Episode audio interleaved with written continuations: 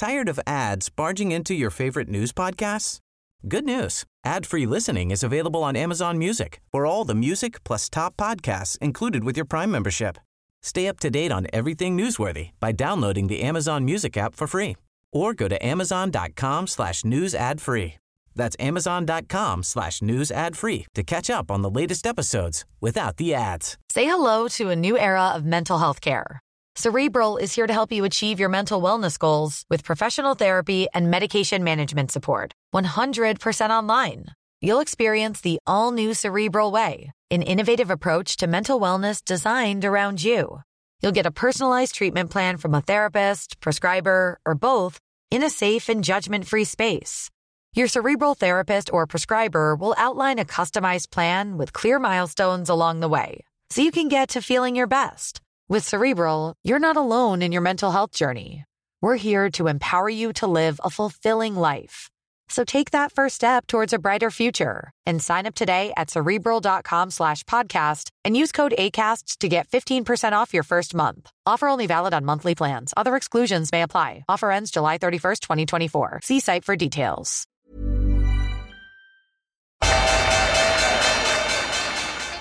They mistook leverage for genius. Leverage for genius. I would recommend Japan. The governments don't rule the world. Goldman Sachs rules the world. Velkommen til episode 247 av podkasten 'Tid er penger', en podkast med Peter Warren. I dag skal vi snakke litt om uka som var, og vi innleder litt inn i en sånn filosofisk diskusjon. Gå videre over til P-investorer og hva ja, det dynamikken i det markedet kan endre seg. Så er det om geopolitikk, og avslutter med Skagen-konferansen. Dagens episode er presentert av Fixrate. Fixrate er et selskap som har deltatt flere ganger i podkasten, der du kan høre lengre, uh, lengre historier om hva de er, men det de egentlig er høyest mulig rente på innskuddet for bedriften din. Og de leverer virkelig varene. Høyeste renta på fixrate.no akkurat nå, 5% blank. Gå inn på fixrate.no. Denne episoden presenteres også av Dealflow. Dealflow, i likhet med Fixrate, har vært inne på podkasten flere ganger og snakka om bedriften. De er en liten børs som eh, har Eller en børs som tilbyr små selskaper eh, og ny, nystarta selskaper muligheten til å møte investorer. Det har vært mange suksesser som har kommet fra det. Og nå kommer Horde. Horde har vært der tidligere, og nå er de med Horde pluss. Og de har allerede nådd uh, deler av finansieringsmålet sitt, og det er noen par dager igjen uh, tilgjengelig, så vi kan se mer på dealflow.no. Og denne podkasten presenteres også av nok et selskap som har vært å møte på podkasten, som er Otovo. Et solcelleselskap som selger solceller du monterer på husene. Prisen på solceller har falt det siste året voldsomt. Så selv om strømprisen fortsatt er høy, så har prisen for å installere sånne paneler på huset falt dramatisk. Hvis du vil sjekke ditt hus, så kan du gå inn på otovo.no og punche inn adressen din, så får du hele oppsettet lagt opp for deg. otovo.no. Denne episoden er sponsa av IG. En ting vi kanskje ikke snakker nok om med IG, som er veldig naturlig å snakke om med podkasten, er opsjonshandel. Så vi snakker jo, Peter har jo mye erfaring med opsjoner, og vi snakker mye om opsjoner i podkasten. Og, og, mange spør hvordan du kan handle opsjoner. En veldig åpenbart valg da er nettopp IG. Så gjennom IG så kan du handle opsjoner på en rekke produkter. Uh, det er fordelt inn i det man kaller barrier-opsjoner og vanilla-opsjoner.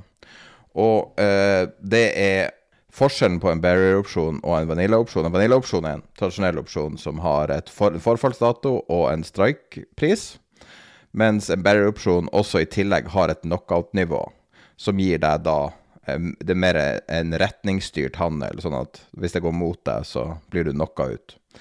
Eh, gjennom de opsjonene så kan du handle en rekke instrumenter. Og for det, på bearer-opsjoner så er det fordelt inn i indekser. Da har du alle de store indeksene.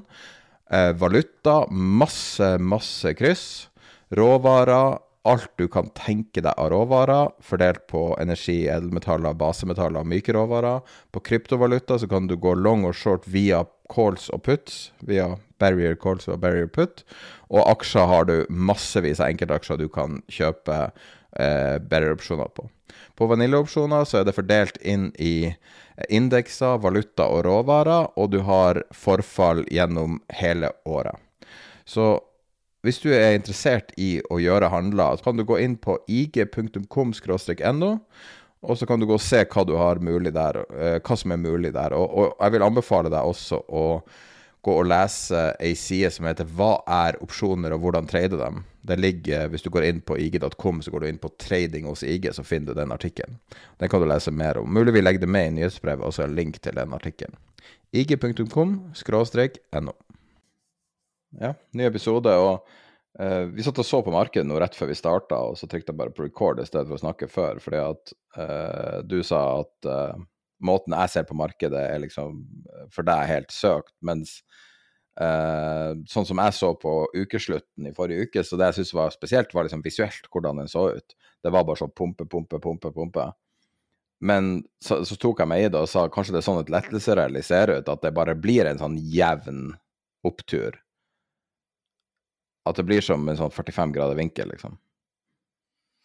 Ja, jeg, jeg vet ikke. Altså hvis du ser sum, altså nett-nett på det, Forventningen var at du skulle få et rally inn i, begyn i begynnelsen av året, for det, det er vanlig, og det, det, lå veldig i kortene at her skulle det opp umiddelbart. Og så er realitetene var, var, det motsatte, nemlig at markedene har vært svake.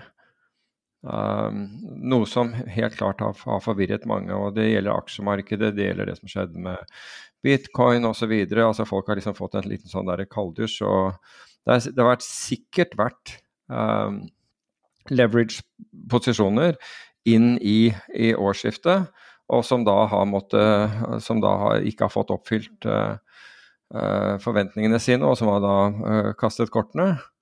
Så, men sånn sum-sum, altså hvis du ser på, på, USA nå, så er liksom de hovedindeksene de har, de har kommet i, i pluss. altså Det er jo ikke noe, jo ikke noe voldsomme tall. Det er jo 1 og 2 i, eh, i pluss, mens, eh, mens Russell-indeksen, altså, altså 2000 aksjer av, av small caps, den er jo ned faktisk 4% Så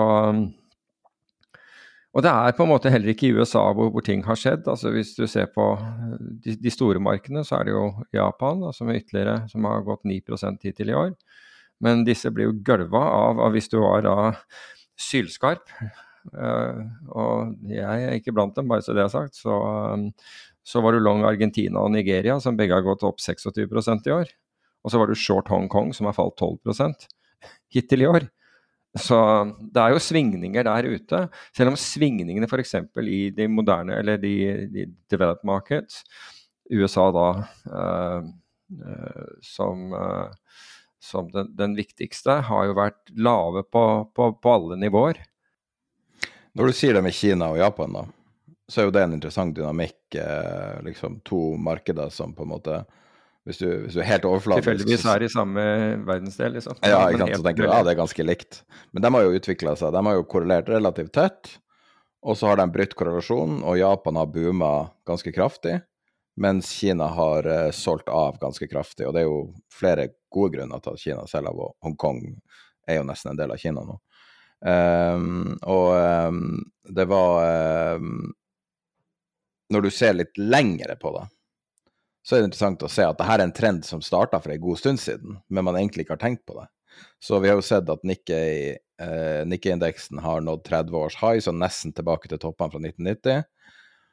Og fra ca. 2020, så fra covid omtrent, så har Nikkei steget videre mens Hang Seng har falt tilbake. Og eh, Bank of America som påpekte det i en analyse jeg tok med i den eh, opps oppsummeringa jeg la ut i går. Um, og det er ganske interessant, for det er noe som på en måte ingen har snakka om. Det har vært null fokus på japanske aksjer. Det har vært fokus på japansk makroøkonomi og, og sentralbank og sånn. Men det har jo faktisk vært et kanonmarked. Ja, visst, visst, har det det. Altså, for makroinvestor så har det absolutt vært det. Men det var som vi snakket om forrige gang, at, uh, at det er på en måte ikke noe særlig fokus i, uh, i, uh, i Norge.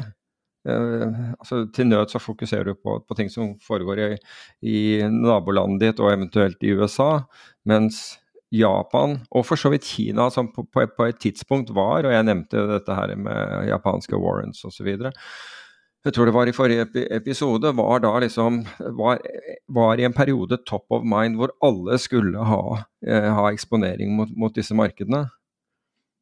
Og problemet var at da alle skulle ha eh, eksponering mot disse markedene, så hadde disse markedene gått enormt på, på, på forhånd. Og så kom man inn som, som eh, på, på slutten av det.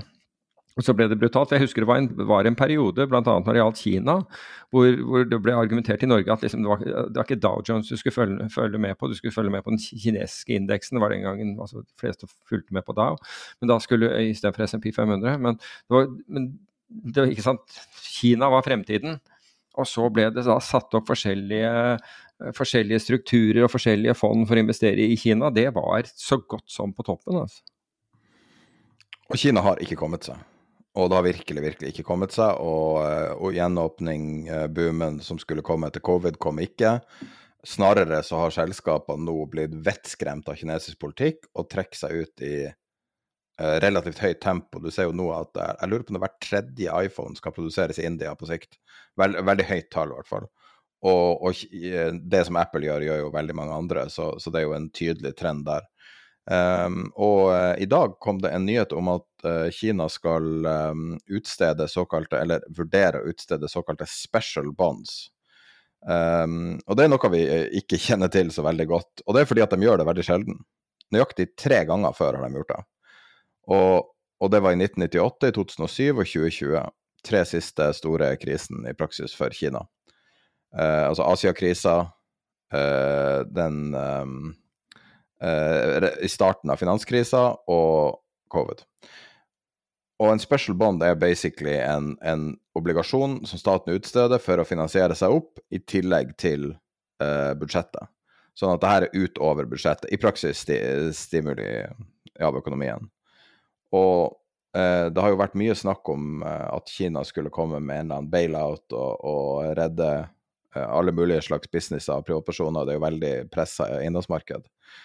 Men uh, når du ser at de går så langt og tar et instrument som er så sjelden brukt, føler ikke det som det betyr noe mye, mye mer enn det vi kanskje er forberedt på?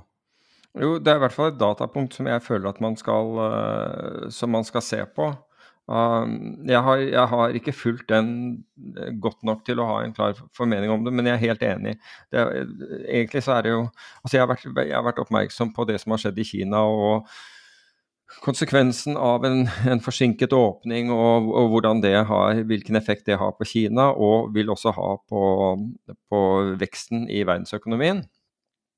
Samtidig har jeg sett at USA har på en måte uh, utviklet seg bedre enn uh, en forventet. Så, så, du kan si at jeg har liksom fulgt litt med på dynamikken der. Men det er klart at når, når Kina begynner å, å, introdusere og nå setter jeg anførselstegn rundt, altså krisetiltak, så bør man nok bør, bør, bør man se enda, enda, nærmere på det. Det er jeg helt enig i.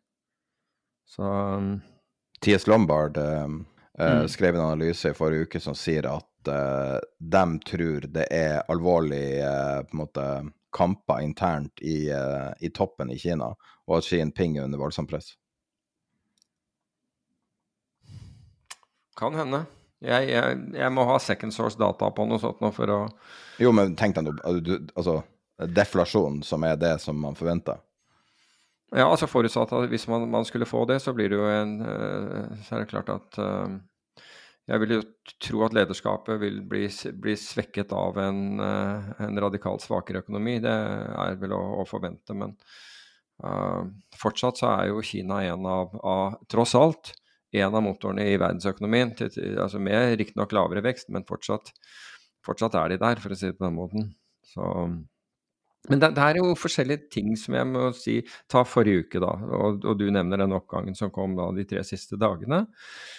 Um, så er det jo er det jo et par ting rundt den som er interessante. Det ene er vi bare aksepten for at, eh, for at uh, Nasdaq i forrige uke gikk ja, jeg tror det var 2,7 og SMP-en 1,2 Verdensindeksen gikk 0,2 uh, Men samtidig, men det er egentlig det jeg skulle, skulle påpeke, det var at samtidig med at aksjemarkedet i USA gikk opp, så gjorde også lange renter det.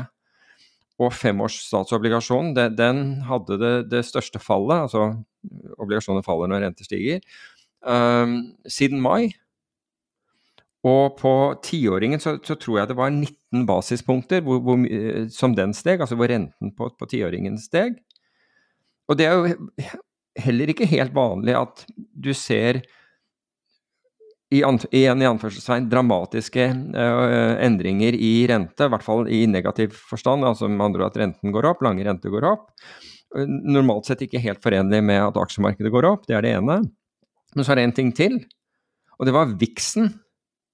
VIX-indeksen, altså den, kall det fryktindeksen, den som måler uh, opsjonsvolatilitet, altså hvor mye det koster å forsikre seg i markedet, den gikk også opp, og den gikk opp 4,7 i, i forrige uke og er opp 7% hittil i år på spotten, på Spotvix. Så til tross for at du, du, kan si at det må være eh, grader av optimisme i markedet for at, eh, for at aksjekursene skal løfte seg, den, den kjøper jeg, så er også etterspørselen etter forsikring gått opp. Og rentene har gått opp. Så her, så i beste fall, så vil jeg kalle det mixed, uh, mixed picture, uh, det som har skjedd. Og så ser vi da disse andre tingene som vi er opptatt av i øyeblikket, nemlig forsyningskjeder og eventuelt øh, prisene på råvarer. Nå er det egentlig forsyningskjedene som, som jeg ville, ville, peke på, og da har du denne Drury-indeksen som måler øh, prisene på containerfrakt, og da er det spesielt Shanghai Rotterdam selvfølgelig som har gått opp, men Drury-indeksen var opp 23% i, øh, i forrige uke. Og det koster nå 3777 dollar å frakte en 40 fots uh, container. Mens i det vi gikk inn i året, så var prisen 1661, altså en, en, en oppgang på 127% på kostnadene på frakten av en 40 fots uh, container.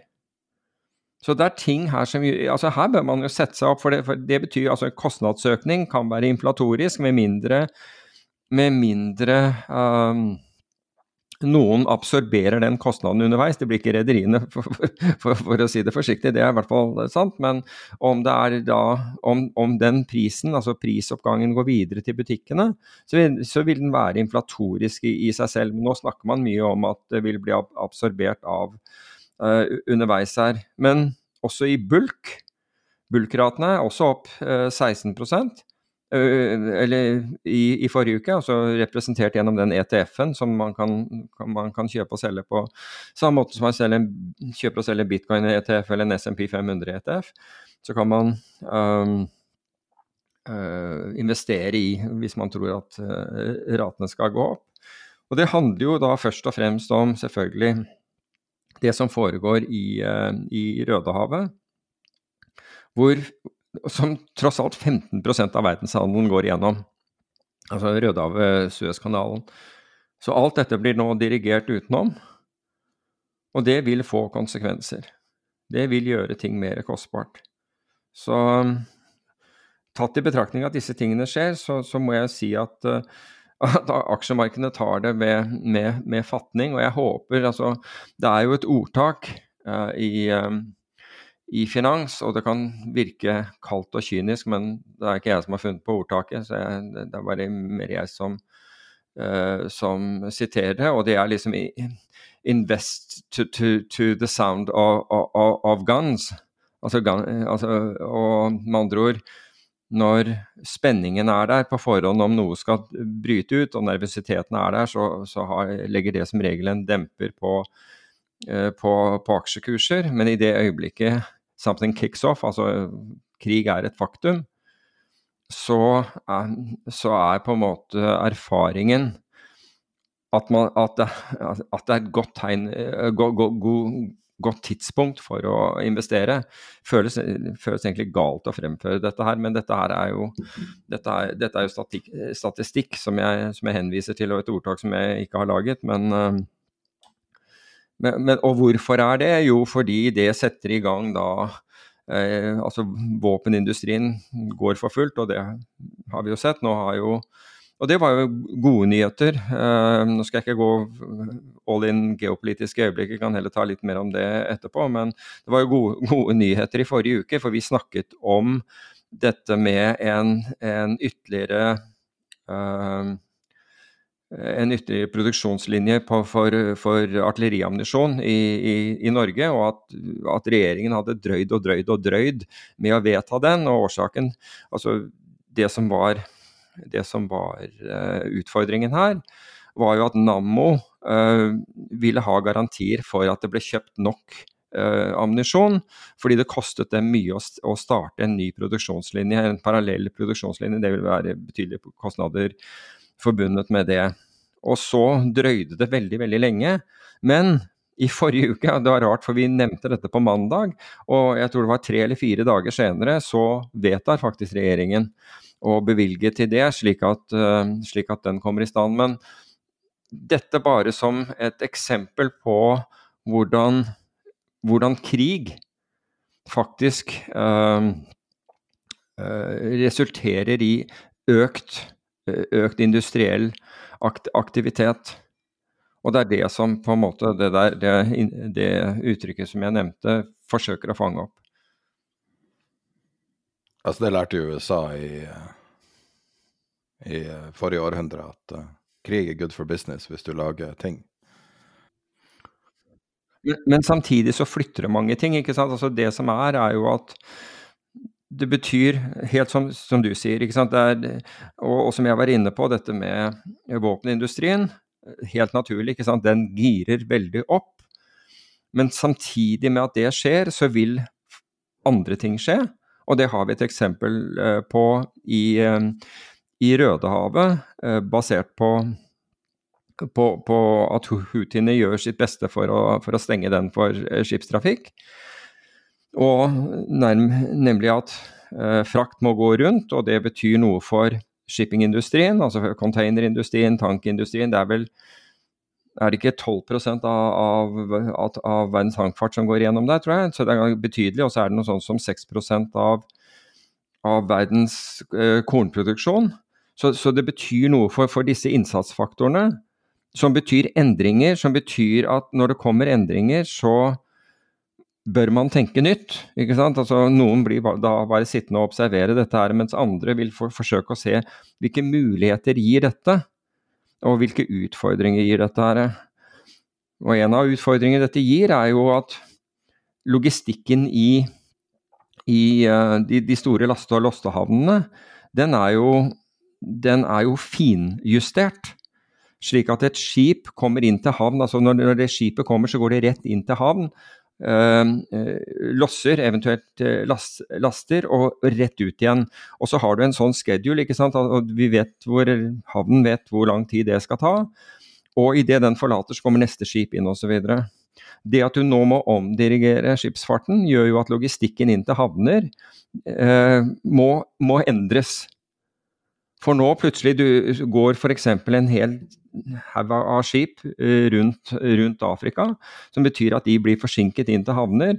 Det er mulig at ikke det tar opp slacken til, til, havner, det er mulig at det skaper flaskehalser som gjør at blir, man blir liggende utenfor havner, sånn som vi opplevde under covid i, um, på vestkysten av USA, hvor de lå utenfor um, Long Beach i, i California. Den type ting. Og så kan, må man begynne å tenke på ok, hva betyr det? Ehm, hva, hva, betyr det for havnen, hva betyr det for videre transporten, hva betyr det for videre salg osv. Og, og finnes det alternative produkter som kan erstatte de produktene som de nå venter uh, i mellomtiden? Og kan det være da at man skifter rett og slett til å få forsyningene sine fra et annet sted inntil denne situasjonen blir avklart, eller permanent for den saks skyld? Så det hiver på en måte veldig mange ting opp i luften når uh, når såpass store endringer. Og hvis vi skal ta det enda lenger, så kan vi jo se til Panama. Hvor 5 av verdens eh, går igjennom, men 40% av containertrafikken til USA går gjennom uh, Panamakanalen. Og den er ikke gjenstand for, uh, for, for, krigshandlinger, men den er gjenstand for klimaendringene, som har gjort da at, at de kan ikke laste skipene så tungt, fordi det er ikke nok vann. Og Det samme så vi på Rhinen i fjor Der må, måtte man også laste om skip, og, og det forstyrrer for, forsyningskjeder. Så det, det, som dette resulterer i, er langt mer uh, intellektuell jobbing og analysearbeid enn når, når ting er i anførselstegn normalt. Nå krever, nå, nå, krever, det tenking. Nå må analytikerkorpsene virkelig begynne å tenke fremover og se på alternativer og hvordan erstattes det ene kontra det andre. Og det, De som har vært virkelig gode på dette, det er de store råvaretraderne i verden. Og det er, det er liksom type, type Glencore og, og, og, den gjengen der. De har vært Trafigura um, De har vært liksom suverene på å oppdage disse tingene og tenke ut disse tingene. og Det er jo også derfor de ofte eier fysisk råvarer, altså eller fysiske råvareproduksjon. Eh, eh, F.eks. gruver i Afrika og, andre, og, og, og, helt andre ting. For nettopp sånne situasjoner. Og de har jo gjort det helt fantastisk, mange av disse her under Gunvor f.eks. Som, eh, som har gjort mye, mye forretninger med bl.a. Russland uh, gjennom årene. Siste uke så um, uh, er jeg litt overraska, men samtidig ikke. Um, så eh, JP Morgan uh, tracker hvordan retail, altså private investorer, investerer. Og sist, altså la oss si første halvdelen av, andre halvdelen av, av så langt i januar, så det var andelen um, kjøp av aksjer to standardavvik fra normalen, som er ganske betydelig ja. for private investorer. Og, og, overraskende nok, samtidig som bitcoin-ETF-en ble lansert, så var det enkeltaksjer som var fokuset for private investorer. Eh, og så kommenterer de også en ting du gjerne kan forsvare, eh, forklare. Gamma-ubalansen i opsjoner for private investorer var den høyeste noensinne i bankens data. Ja, altså jeg, jeg vil jo Når du snakker om gamma-ubalansen altså Gamma er hvor fort uh, posisjonen din endrer seg. Altså vi har Hvis du har en opsjon på, på en aksje, og la oss si at opsjonen gir deg retten til å kjøpe aksjen, og den innløsningskursen på aksjen er 100. Og, og det samme, ja, innløsningskursen er 100, og aksjekursen er 100 da vil det vi kaller delta, som er følsomheten for, for uh, opsjonen i forhold til aksjen, være ca. alt annet like, hvis vi ekskluderer renter og utbytter og, og, og, slike ting, så vil den deltaen være 0,5. Dvs. Si at hvis aksjekursen går opp én krone, så går opsjonspremien opp en halv krone, altså 50 øre. Og det er fordi en opsjon er priset på sannsynlighet, og du sier at det er omtrent like stor sannsynlighet for opp og ned, og dermed så, så med andre ord 50-50, så, så, vil da, eh, så vil da følsomheten være, være 50 øre for hver krone aksjen stiger. Okay? Hvis da derimot Det som er gamma, det er da at aksjen La oss si at aksjen går fra 100 til 105. Nå er jo sannsynligheten høyere for at den opsjonen skal bli mer verdt, som gjør at deltaen også øker. Så den går da, da, den går da opp fra, fra, å være 50 øre til la oss si 55 øre eller et eller annet sånt. Og hvis den fortsetter oppover, så går den oppover og oppover oppover til den til slutt blir én med aksjen. Og da er det veldig liten tid igjen til forfall, og, den, og opsjonen er deep in the money. Hvis du sier at det er en Ok, den forskjellen, eh, og det jeg beskrev nå, var at hvordan denne sannsynligheten økte, eller, eller flyttet seg, i tråd med at aksjekursen flytter seg. Så det gjelder også til nedsiden. Hvis den aksjen isteden falt, så vil følsomheten din i forhold til aksjer, fordi nå blir, det er mindre sannsynlig at, at, den skal være noe ved forfall, gå ned og til slutt bli null hvis f.eks. Uh, eh, hvis den, den øh, aksjen ender på la oss si 95 kroner den dagen hvor opsjonen forfaller, så vil jo den være null, fordi nå er det ikke noe sannsynlig for at dette her skal bli noe, noe verdt lenger. Er, eh, du har rett til å kjøpe aksjen på 100, og den er på 95 kroner, så du kommer ikke til å bruke opsjonen, rett og slett. Ok. Så det vi ser, er at denne sannsynligheten forandrer seg. Forandringstakten til denne sannsynligheten kalles gamma. Og det fortere gammaen beveger seg, det fortere beveger sannsynligheten eh, seg. Og du kan si for en aksje som da er like før forfall, og den, dreier, og den beveger seg veldig nær innløsningskursen, så vil du se veldig store utslag i, i, i, denne, i denne, premien. Og når, det, Hvilken investeringsbank var det du sa refererte til? JP Morgan. Så når, når JP Morgan snakker om retail gamma-ubalanse, uh, så vil jeg Jeg kan gi deg litt mer info. Ja, kom igjen. Uh, det de sier, er at uh, den største trenden de så, var at folk kjøpte dippen til enkeltaksjer. Og det virka som det var Basically kjøpte taperne og solgte vinnerne. Så kjøpte Tesla, solgte Nvidia. Gjennom opsjoner? Det var sånn, det var, var ikke helt nøyaktig på alt, sånn at uh, man prøver å lese litt i tidlivsen også, hva de sier. Ja, fordi du, du, kan si at normalt sett så vil jo ikke et meglerhus uh, være bekymret for gammaen som, som, en investor sitter på, hvis, hvis vedkommende er long opsjoner. Fordi uh, da kan selvfølgelig investoren tjene eller tape penger, men eh, kredittrisikoen altså du har på din investor, vil ikke, vil ikke eh, er, er, lik null, for du har, betalt opsjonspremien. Han eller hun har betalt opsjonspremien, så, så det vil ikke påvirke meglerhuset ut, utover det.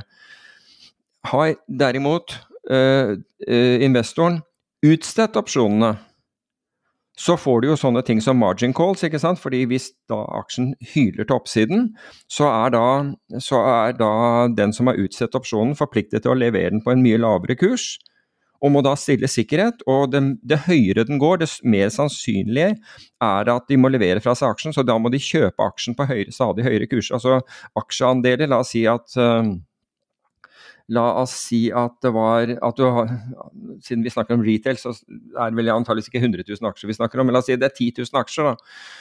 Og For å hedge det, så, hedge det når den er at the money, så må du ha 5000 aksjer. Da er du på en måte dekket. Men så drar kursen plutselig oppover. Og da vet du at hvis denne er in the money, så må du levere aksjer. Så da må du ha 10 000 aksjer. Du har 5000, så du må drive og kjøpe oppover. Så gamma-ubalanse, altså når det refereres til på den måten, så vil jeg jo tro at det er nettopp at man bekymrer seg for at investor faktisk har utstedt opsjoner og ikke, og ikke vært kjøper av dem. Så de har rett og slett bestemt seg for å være forsikringsselskap istedenfor å kjøpe seg forsikring. Og det er klart at det er en mer risky uh, uh, Det er det som har fått folk til å Da kan du ta på alt du har, ikke sant. Altså, du kan tenke deg at uh, du, du, har, La oss si den aksjen på 100, da. Så har du utstedt en, en, en kjøpsopsjon istedenfor, istedenfor å kjøpe den. Så har du utstedt en kjøpsopsjon på 100, og så satser du på at uh, aksjen La oss si at du har fått fem kroner for den, da, bare for å ta et tall. Går og legger deg. Neste morgen så våkner du opp, børs, og det første du leser er en flash på telefonen din som sier at oppkjøp av den, det, det selskapet med 100% premie. Med andre ord, de, de byr 200 kroner. Det er ikke tatt hensyn til i marginberegningen, kan jeg love deg, at, at det skal komme inn. Så nå har du et reelt problem. Du ikke, altså du har fått fem kroner men du må få for dette her, men, men, du er nødt til å kjøpe aksjen fem, 95 kroner høyere. Så det, er, det vil være en ekstrem gammaubalanse, bare, bare, bare, så det er sagt. Um, når det gjelder Altså Jeg tror helt sikkert at det er, som du sier, at folk selger vinnere og kjøper tapere og, og, og holder, på, uh, holder, på, med sånne ting. Men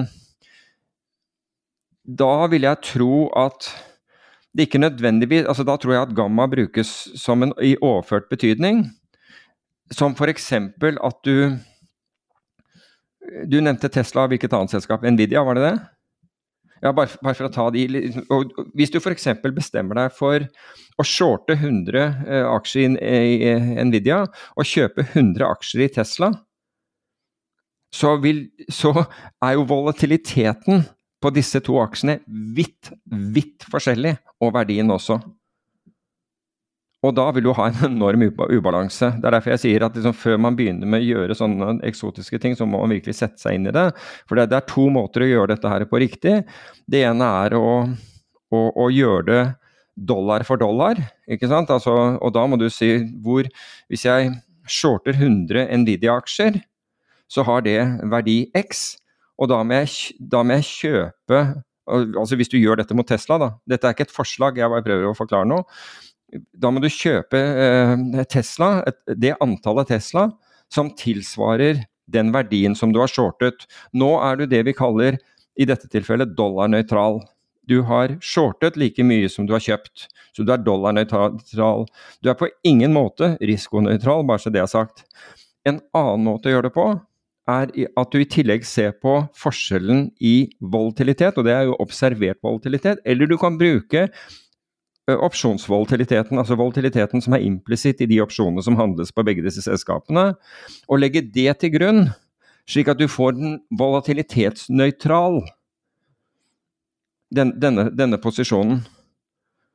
Og begge deler kan være fornuftig å gjøre, men, men å kjøpe 100 og selge 100, det er, det er farlig naivt og, og, og vil føre helt gærent av sted.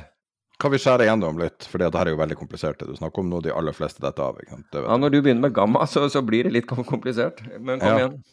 Eh, så skjær igjennom, da. Hvordan vil du eh, si at det her betyr for eventuelle markedsretninger? Fordi at vi har jo tidligere vært vitne til en gamma skvis eh, som eh, skapte en opptur i markedet, eh, der man, man opplevde sånn at det var så stor volum i opsjoner at opsjoner snudde på en måte på uh, logikken i markedet og begynte å drive aksjer i stedet for at aksjer driver opsjoner. Ja. Uh, og jeg, jeg, Grunnen til at jeg kommenterte det her med retail-investorene, er at vi har tidligere sett at retail-investorer har ganske god teft. Blant annet i 2009, på bunnen, så satte DNB rekord, DNB Markets rekord med antall nye kontoer. Mm -hmm. Fordi at folk ville kjøpe dippen. Dog en voldsom dipp.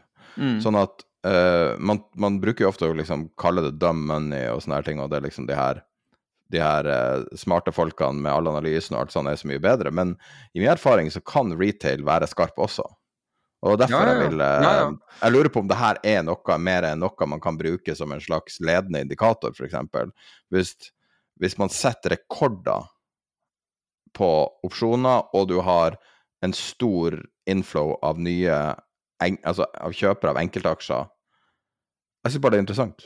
Ja, altså, hvis, altså, problemet er at, eh, at, det som JP Morgan sier her, er ikke fullstendig nok til å, å, nøyaktig vite hva de refererer til.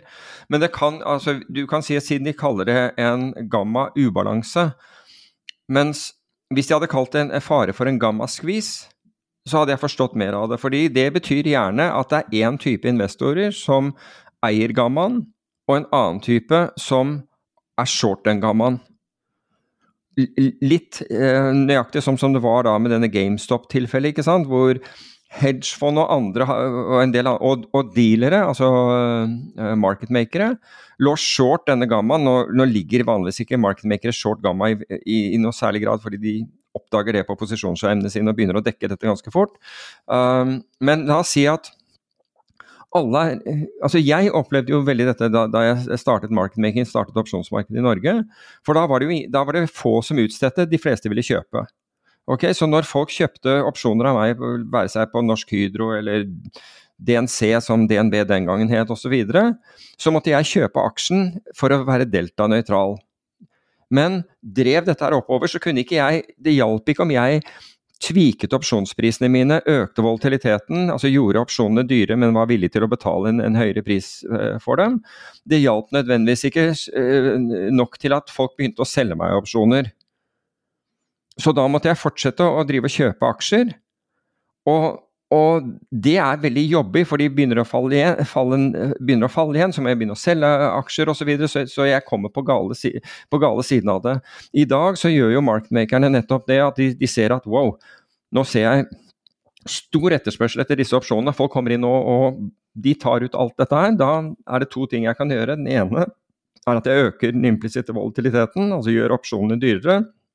Dvs. Si at jeg både kjøper og selger til, til, til, høyere priser. Så det er ikke sånn at jeg bare flytter opp salgskursen, men jeg er også villig til å flytte opp kjøpsprisen, fordi jeg mener at jeg ser av tilbud og etterspørsel at jeg må, må, må, flytte meg. Det er det første jeg gjør. Hvis ikke det hjelper, så, jeg, så, vil jeg gå og se på hvilke andre aksjer korrelerer med denne, og så begynner jeg å kjøpe opsjoner i de aksjene. Slik at jeg gjør flere ting sånn for å, for å dekke denne type risikoen. Men hvis den, det som foregår, er helt isolert til det ene selskapet, da sliter du litt. Og, der, og da får du virkelig det, det som, som, kalles gammaskvis. Og den gammaskvisen kommer ikke bare fra din egen profit og loss. Fordi hver gang er du short opsjoner og øker volatiliteten, altså skrur opp volatiliteten for å ikke miste flere opsjoner, så får du en negativ mark to market som følge av det, fordi du har solgt noe for billig. Så den, du, du, merker den der. Men i neste omgang så merker du den også hvis, hvis kursen på underliggende går kraftig mot deg. Så vil du merke det at du får store marginkrav, så du må ha, du må ha betydelig kapital i, der for å forsvare posisjonen din, ellers så blir du tvunget ut. Jeg synes bare det er interessant. Grunnen til at jeg beit meg Nå har jeg funnet frem til rapporten, for jeg leste bare min egen oppsummering i, som gikk ut på, på, um, på Patrion. Um, så hvis du ser på, på uh, grafen over um, gamma-ubalansen Grunnen til at jeg beit meg merke i det her, var at det har vært en negativ ubalanse gjennom hele 2023. Og tidligere har det vært noen få positive balanser. Og så var det en fem milliarder positiv ubalanse nå. Og, og, det de sier, er at uh, retail kjøpte 1,5 milliarder av Delta og 5,5 milliarder av Gamma. De ble nettkjøpere av opsjoner for første gang siden juni. Ok, okay men da, da, da, er, da, er, retail long og dealere short, stort sett. Ja. Så de, det var det som var at det var en, en stor switch, både i opsjoner og i aksjer. Og spørsmålet da er egentlig ikke nødvendigvis det tekniske rundt det, som er interessant nok i seg sjøl, men det er også hva kan det her bety eh, for momentum, for eh, eh, hvordan folk ser på Altså ikke hva man, man, sier man mener om markedet, men hva man faktisk mener. For hvis man begynner å kjøpe, så betyr det jo noe. Når, når du ser grafen, og den liksom er så ekstrem switch, og at, at man da at, at, man ligger nett på en måte long, da, eh, at det kanskje betyr noe. Ja, det kan være, for, men samtidig så kan altså det, vi, det kan jo også bl.a. forklare det at vi så viksen gå opp i forrige uke, som jeg sa var ulogisk i utgangspunktet, av den type etterspørsel. Men da er det faktisk fordi viksen var så lav i utgangspunktet før dette skjedde, er fortsatt egentlig ganske lav, men nå svinger markedet enda mindre. men og så velger investorer istedenfor å kjøpe aksjer, hvor de tenker at altså, hvis dette går til helvete og markedet virkelig skulle tryne, så, tap, eh, så den type tap vil jeg ikke ha. Så jeg, jeg syns opsjoner er billig, så jeg kjøper det istedenfor aksjer. Så det er, det er, rett og slett at du sier at opsjoner er på dette nivået mer attraktive enn, jeg, enn å ta risikoen på å kjøpe aksjer. Så det kan hende at det er no, noe sånt noe. Så på den andre siden av den handelen så må du da liksom gjøre noen assumptions om hvem det kan være. Hvis det er dealere etter GameStop, så er liksom Men kan, kan det være optimisme på inngangen av året? Fordi jeg har så lite visibilitet på det her på dataen. Så jeg tror det kan være at jeg, jeg leste også, også feil. Sånn at det kan være at man var optimistisk på inngangen på året. Man var det. Det, det, det, viser, det viser, jo, både, viser jo både tegningen i, i aksjefond den, den, var jo rekordhøy. Det var tegning i aksjefond. Og som Jeg tror det var JP Morgan som hadde den dataen også, som viste da at retail var, hadde, hadde storkjøpt. Så absolutt, ikke sant. Det er ingen tvil om at det er det. Og så er det litt legg i dataen. Sånn blir, nå blir jeg plutselig, når jeg prøver å overanalysere det, så blir jeg sånn bekymra for at hvis, siden det ikke er min, jeg kan ikke sitte og se på detaljene, så er det vanskelig å vite. ikke sant? Og, uh, men, men, det jeg prøver å si, er at uh, retail gjør bevegelser nå, fortsatt. Altså, vi lærte jo å respektere retail under, under GameStop-saken for tre år siden.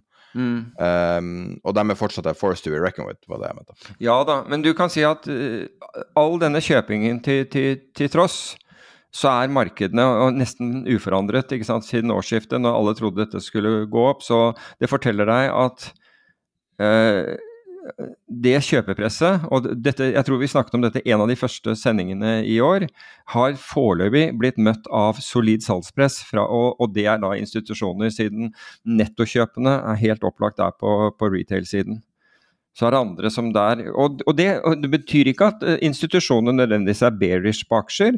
Det kan være noe sånt som at de, de, eh, de rebalanserer porteføljer. ikke sant? Renten, har, renten, er mye høyere nå på obligasjoner, slik at de har en Og når du ser utviklingen i fjor, da, hvor obligasjoner falt, aksjer steg, så vil jo f.eks. pensjonskasser som da skal ha en balanse mellom disse, eh, disse to aktiva-klassene, ha behov for å redusere seg i aksjer og kjøpe obligasjoner. Så det behøver ikke være at, er, at institusjonene, de som selger inn i denne kjøpingen fra retail eh, sin side, det behøver ikke å bety at de på noen som helst måte er negative til, eh, til utsiktene i aksjemarkedet. Det er bare den rebalanseringen som de skal gjøre i forhold til sine mandater. Har du sendt gratulasjon til Andreas Halvorsen?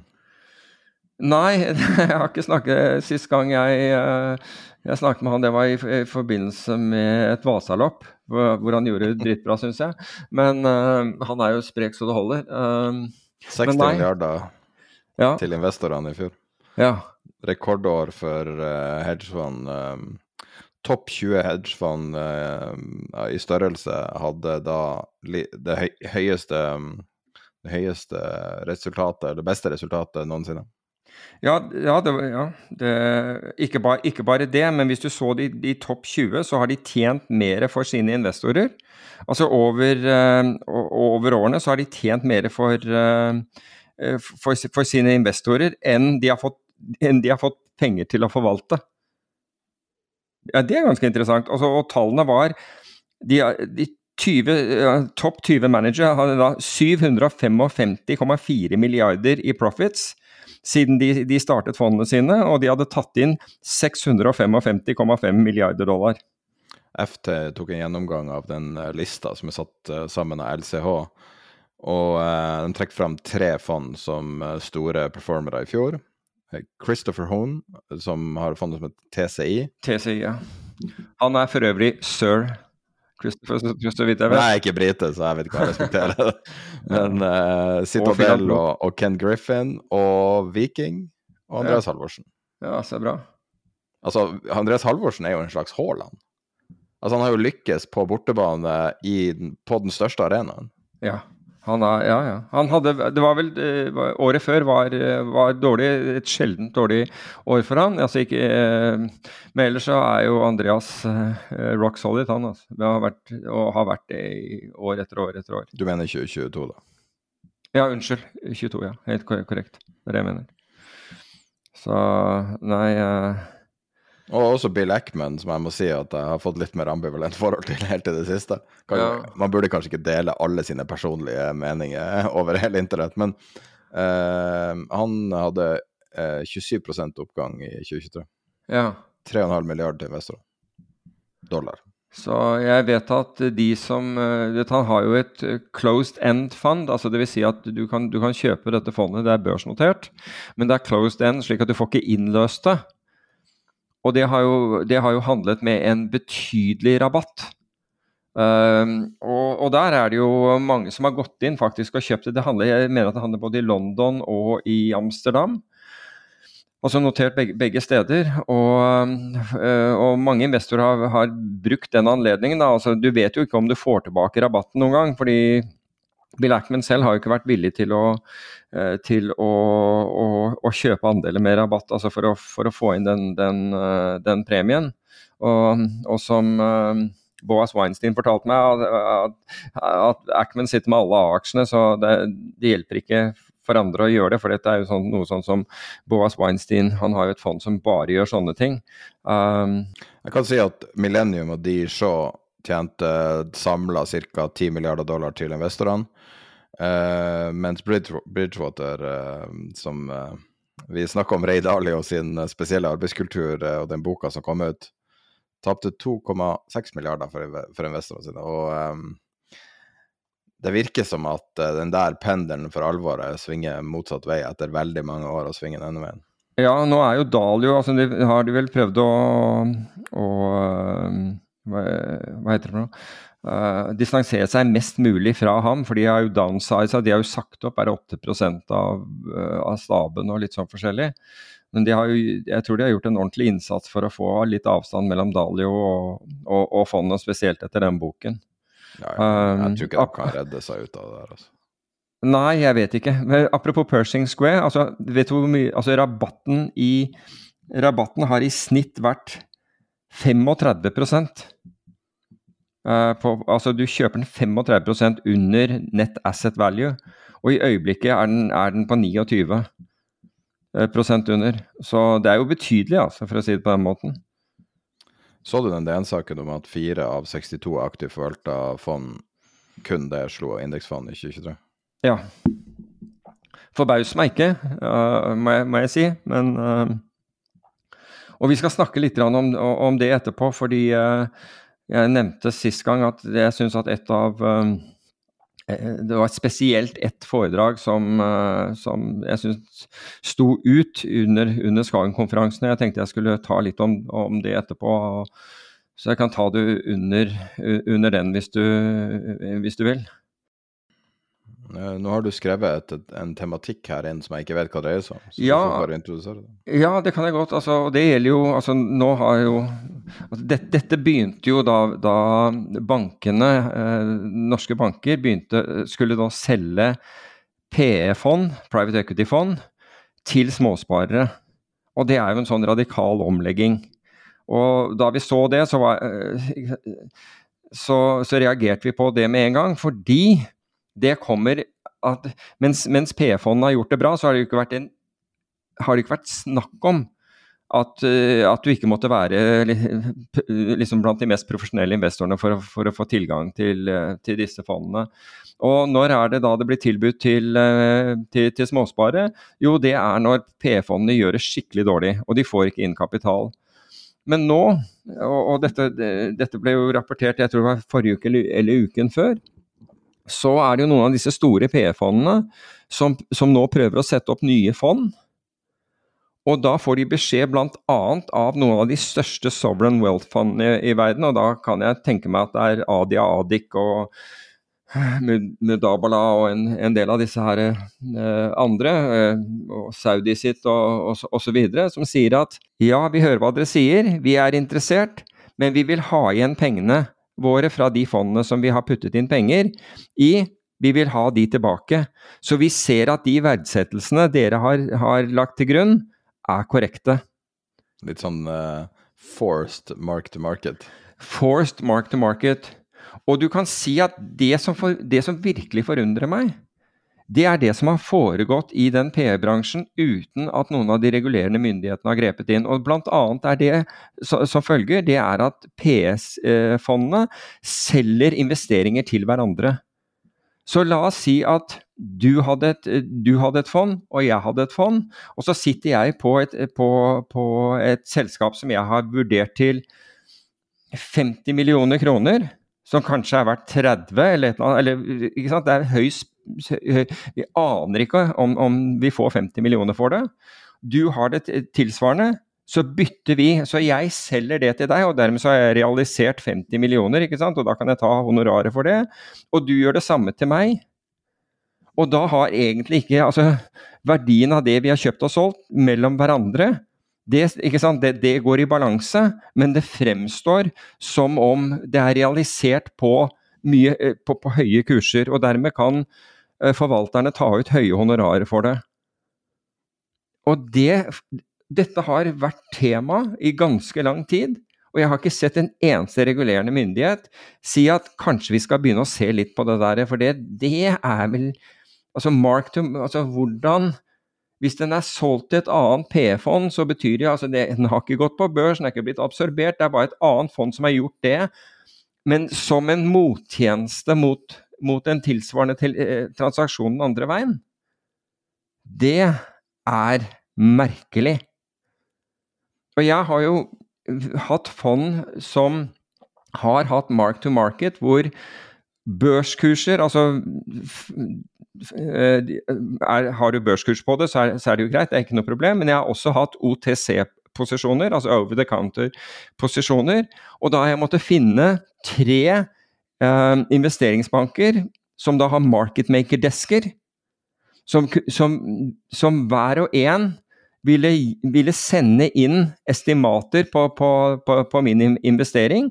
Og dette, de, de, disse eh, investeringsbankene var på forhånd godkjent av min administrator, som er et eget eh, som, som var en bank, og min custodian, som var en annen bank.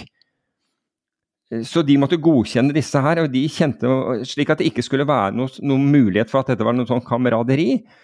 Og så sendte jeg det inn, og så tok de et snitt av disse her. Eller så tok de kontakt med dem og spurte. Det, det, er på en måte det som var påkrevd for å kunne drive et hedgefond, for at det ikke skulle være noen som helst tvil om verdsettelser. Og så ser du her at det er helt ute å sykle, det er ingen som bryr seg, og beløpene er enda større. Og det syns jeg er merkelig, eh, gitt at dette er regulerte Disse, disse fondene er også regulerte. De, en helt annen praksis på, på de fondene. Og, det, og summen av dette er nemlig at investorene nå har sagt greit, vi, vi tror på dere. Du er BlackRock eller hvem, hvem, du måtte være. Du er liksom en av de beste. EQT, eller hvem som helst, altså bare legg merke til det. altså EQT, eh, Verdien av EQT, forvaltningsselskapet EQT, som, er, som, jeg tror er veldig bra, bare så det er sagt, men den halverte seg. Den har halvert seg, og da, det er en årsak til det. Ikke, det har ikke halvert seg pga. Det, det jeg snakker om nå, men, men at klimaet har blitt vesentlig dårligere for, eh, for eh, PE. Og så her har investorene måttet ta, ta, ta skjeen i egen hånd og si du, Bevis de verdsettelsene som du har oppgitt til oss. Så skal du Bevis det, send oss pengene, så skal vi investere i, i, i neste fond. Altså, det har jo vært spekulert i at, at uh, private equity ikke fungerer med uh, rente over nullpunktet. Altså at stigende rente eller høye rente er, er, ikke forenlig med en så belånt strategi.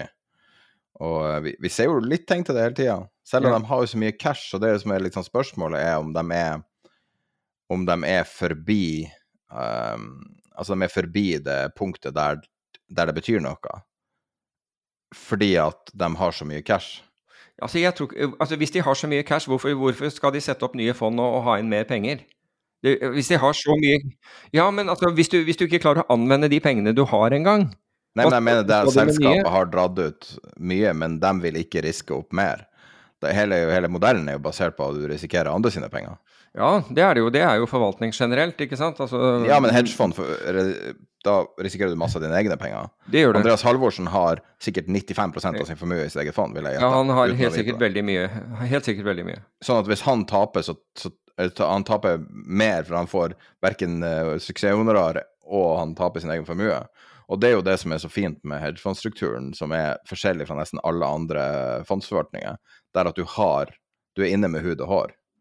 Og så klager folk på den høye lønna, men det er jo basert på at du, du tar så mye risiko sjøl.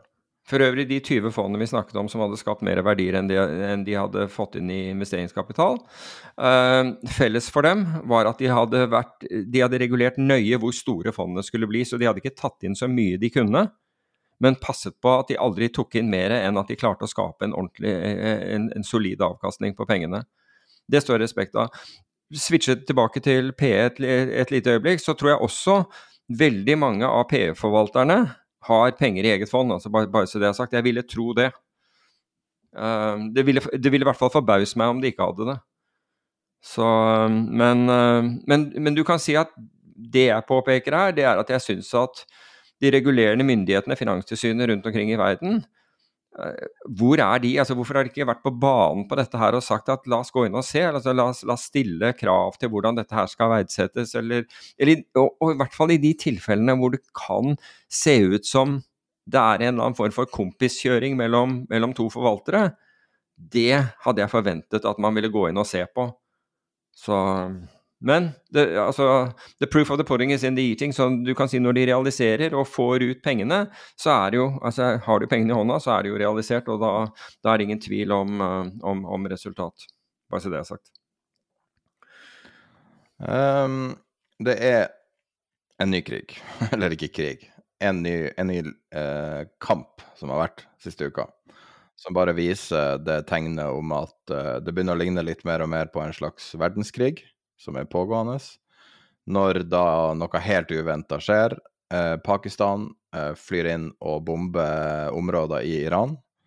I en konflikt som de aller fleste aldri har hørt om. Ei terrorgruppe jeg tror de aller fleste ikke har hørt om. Og en spredningseffekt ingen har nevnt skriftlig, sånn at det har nådd måtte, store overskrifter før det bare skjer. Men så har det ikke skjedd noe etterpå, så vidt vi vet. Men kan du forklare litt om, uh, om hvorfor Pakistan og, uh, og, Iran, og Iran går i tatt hverandre? Jeg og hva har det med Israel å gjøre? Ja, altså, ja, det, har ing, det, er ingenting, er svaret på det. Jeg tror at uh, årsaken til at dette her har flared up, det var den, det terroranslaget mot den forsamlingen som som skulle hva heter det, honor, eh, hva heter det for noe? Altså, gjøre ære på Qasem Soleimani, som var da Irans uh, Altså sjefen for Irans Quds-styrke, som er deres spesialstyrke, som er innunder revolusjonsguiden. Uh, han ble drept uh, av, av amerikanske droner da da kortesjen hans forlot flyplassen i Bagdad for noen år siden nå. Det er ikke så veldig mange år siden Trump satt ved Det var faktisk Trump som, som uh, ga the final uh, order for det. Og da tok to amerikanske droner ut det, den, den bilkortesjen med han i. Og han var en helt i, i Iran. Han hjalp for øvrig både amerikanske eller Nato-baserte styrker og russiske styrker å unngå blue on blue i, i, krigen i Syria, altså da man kjempet mot IS i, i, i Syria, ved, ved, at altså han var en nærmest en sånn mellommann for at da amerikanske krigsfly ikke skulle komme i konflikt med russiske krigsfly, som da Uh, som begge bekjempet IS. når Russland støttet jo Assad-regimet. Og så by definition så, eller, så gjorde uh, også USA det, egentlig ikke for å, styrke, for å, for å støtte det regimet, men fordi man måtte, uh, man måtte bekjempe, bekjempe IS. Uh, I hvert fall uh, så ble det da besluttet, og Soleimani har, har sikkert mange amerikanske uh, liv på sin samvittighet. Og noen av disse bombene tidligere som man har opplevd tidligere, en av dem var i Nairobi bl.a., bl.a. i Beirut. Kan nok indikere det, men i hvert fall, man tok da livet av han. Man besluttet da å, å, å, å ta han ut uten, uten, lov og dom, for å si det på den måten. Um, og det er klart at Og så skulle man nå uh, Jeg kan ikke si at feire noens dødsfall, det blir jo Det er jo, en oxymoron i seg selv, men, men, i hvert fall det skulle gjøres ære på han på, den, på, på Soleimanis minne. Minnemarkering for Soleimani, sånn, det er nok den rette betegnelsen. Og så går det av bomber der som dreper eh, mange, i, i, mange av de til, til, stede. Det var et voldsomt antall, så vidt jeg husker. Det første man skyldte på der, var, var at dette var Israel som, som sto bak, og som ikke var helt logisk, eh, i og med at Soleimani ikke var noen trussel, og sannsynligvis ikke de, de, som, eh, de, som, var til stede heller. Men så påtok IS seg skylden for dette. Og Årsaken, og den, den flare-upen som er nå, er at man mener at de, kommer, at de har, de har eh, tilholdssted, denne gruppen av IS, eh, rett over grensen. Altså med andre ord rett over grensen i, i Pakistan.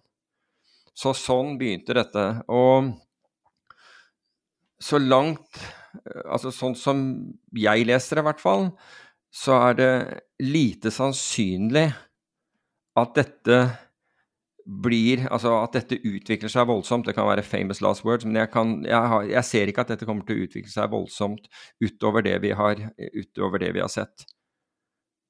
Uh, så um, det er ikke, selvfølgelig ikke bra at det skjer, og altså, Pakistan er en enorm her.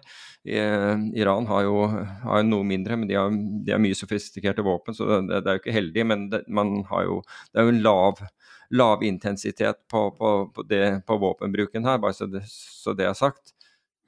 Virker det ikke litt som de her konfliktene her har én ting til felles, det er at ingen vil ha At ingen vil ha um, spredning? At det er et generelt ønske om å ikke få spredning, og alle har det front of mind hele tida. Det, det, virker sånn på reaksjonene at man er alltid veldig forsiktig med at det ikke blusser opp. Eller er det at jeg ser syner her? Eh, nei, jeg tror fra, altså fra vestlig hold. Så Nei, fra Iran også. Fra, fra alle. Mm, alle vet hvor litt, litt, mindre, litt mindre sikker på, på Irans motiver her.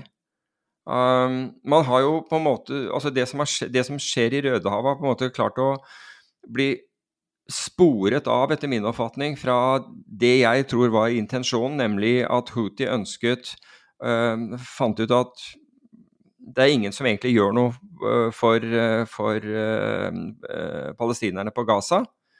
Det, blir, altså, det er noe retorikk, men den, er, den, er, den, er, den virker ikke det er ingen betingelser bak amerikansk våpenleveranse til, til israelerne. Så i, i, fakta så gjør man ingenting. Og så, så og greit, da går det ikke med å Altså det, det å vise menneskelig lidelse altså er, Ifølge Redd Barna nå så er det over 10 000 barn som er blitt drept.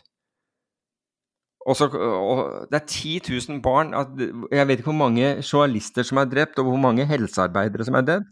Ja, det nærmer seg vel i hvert fall 80 på, på journalistsiden. Og der, med, med, biler med presse på, stående helt tydelig, og, og så blir de angrepet. Um, og helsearbeidere har ikke peiling på hvor mange som er blitt drept. Normalt er det jo bare organisasjoner som IS og sånn som er villige til å drepe. Altså Akkurat det å drepe journalister ja. er jo veldig uvanlig. Ja. Ikke det at det er noe verre på noen måte. Det Men de mener jo, altså Reuter mente jo at de ble, tar de ble targeted Utvilsomt fordi de hadde alt ute uh, som viste, og de var i åpent område og med bil, merket presse og hele, hele saken, og allikevel blir de, blir de angrepet. Så, men i hvert fall, det har ikke lykkes, da, til tross for lidelsene. På, på, Gaza så har de ikke lykkes å få stanset dette. Dette har, har, ikke Vesten vært villig til, eller andre for den saks skyld, vært villig til å gå inn uh, retorisk hardt nok for å få, få uh, stanset dette. Og da, hva gjør du da? Jo, da prøver du å ramme uh, noe annet, altså noe du føler mer på, og det er økonomien. Og, og dermed så går houthiene til angrep på, på skip i, i Rødehavet, eh, som vi har snakket om. Og så, men reaksjonen på det har da vært at man kjører inn eh, eh sjøstridskrefter, som vi, vi, vi, snakket om, at det ville skje.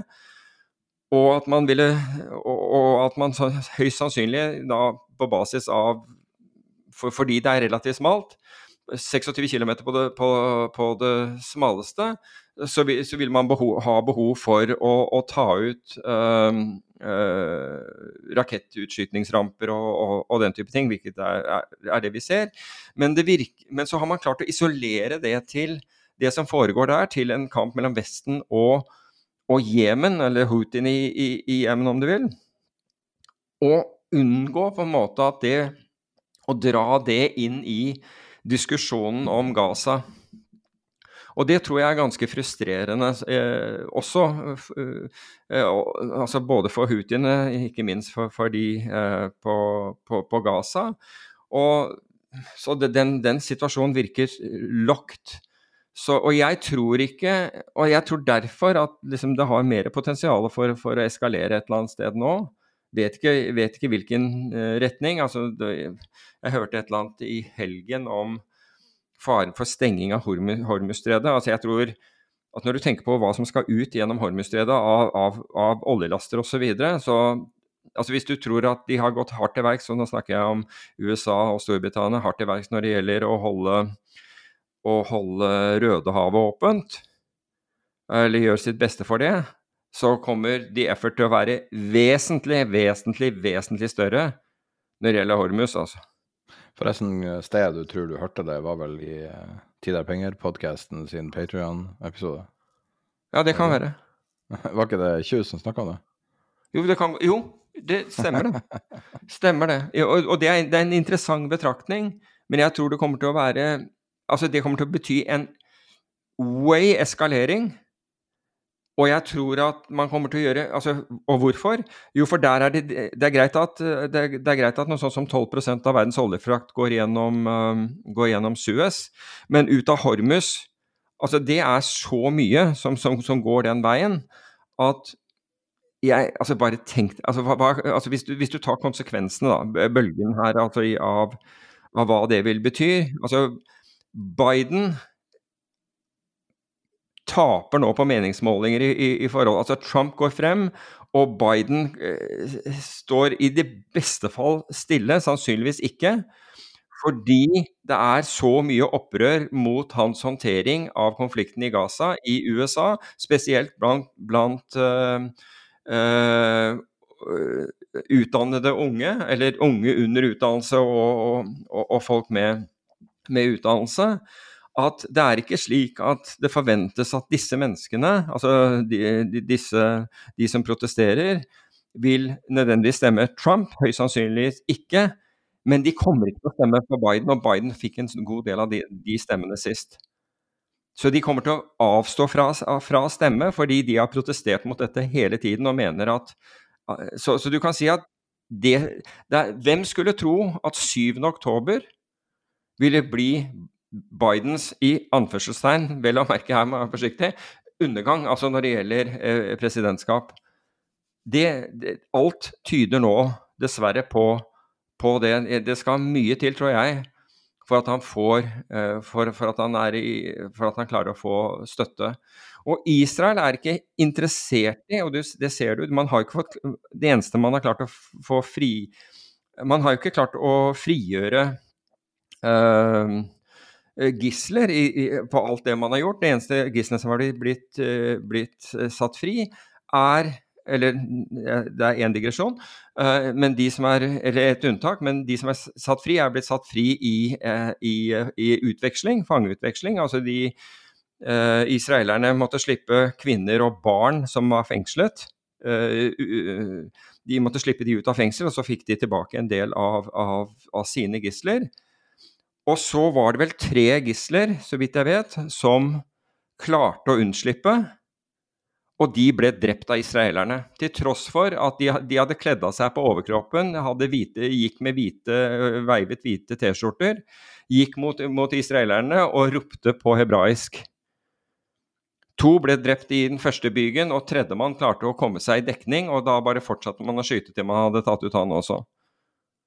Og som det ble observert der, de hadde antageligvis aldri funnet ut at Eller aldri, eh, men det var i hvert fall ikke funnet ut at det var at det var israelere, hvis det ikke hadde vært for at idet noen gikk forbi der, så så de at den ene hadde var kritthvit hud og rødt hår. Og det stemte veldig dårlig overens med, med hvordan man mener at Hamas-krigere ser ut. Så, så Og en annen ting er at det har jo vist seg da, nå at Israel, altså israelsk etterretning, fikk en rapport ett år før det skjedde, med at det skulle skje. At dette skulle finne sted. Og dette var det jo New York Times som, som avslørte. Det, var, det måtte jo vært i helt på slutten av fjoråret. Altså, jeg husker ikke om det var i november eller om, om det var tidlig i desember. Den rapporten som heter Jericho Wall som forteller at Israel var klar over det, men ignorerte det. Og det betyr jo, altså for, altså I og med at dette nå er kjent, så betyr det jo selvfølgelig at den regjeringen som sitter i Israel i dag, er høyst sannsynligvis må gå når dette er over.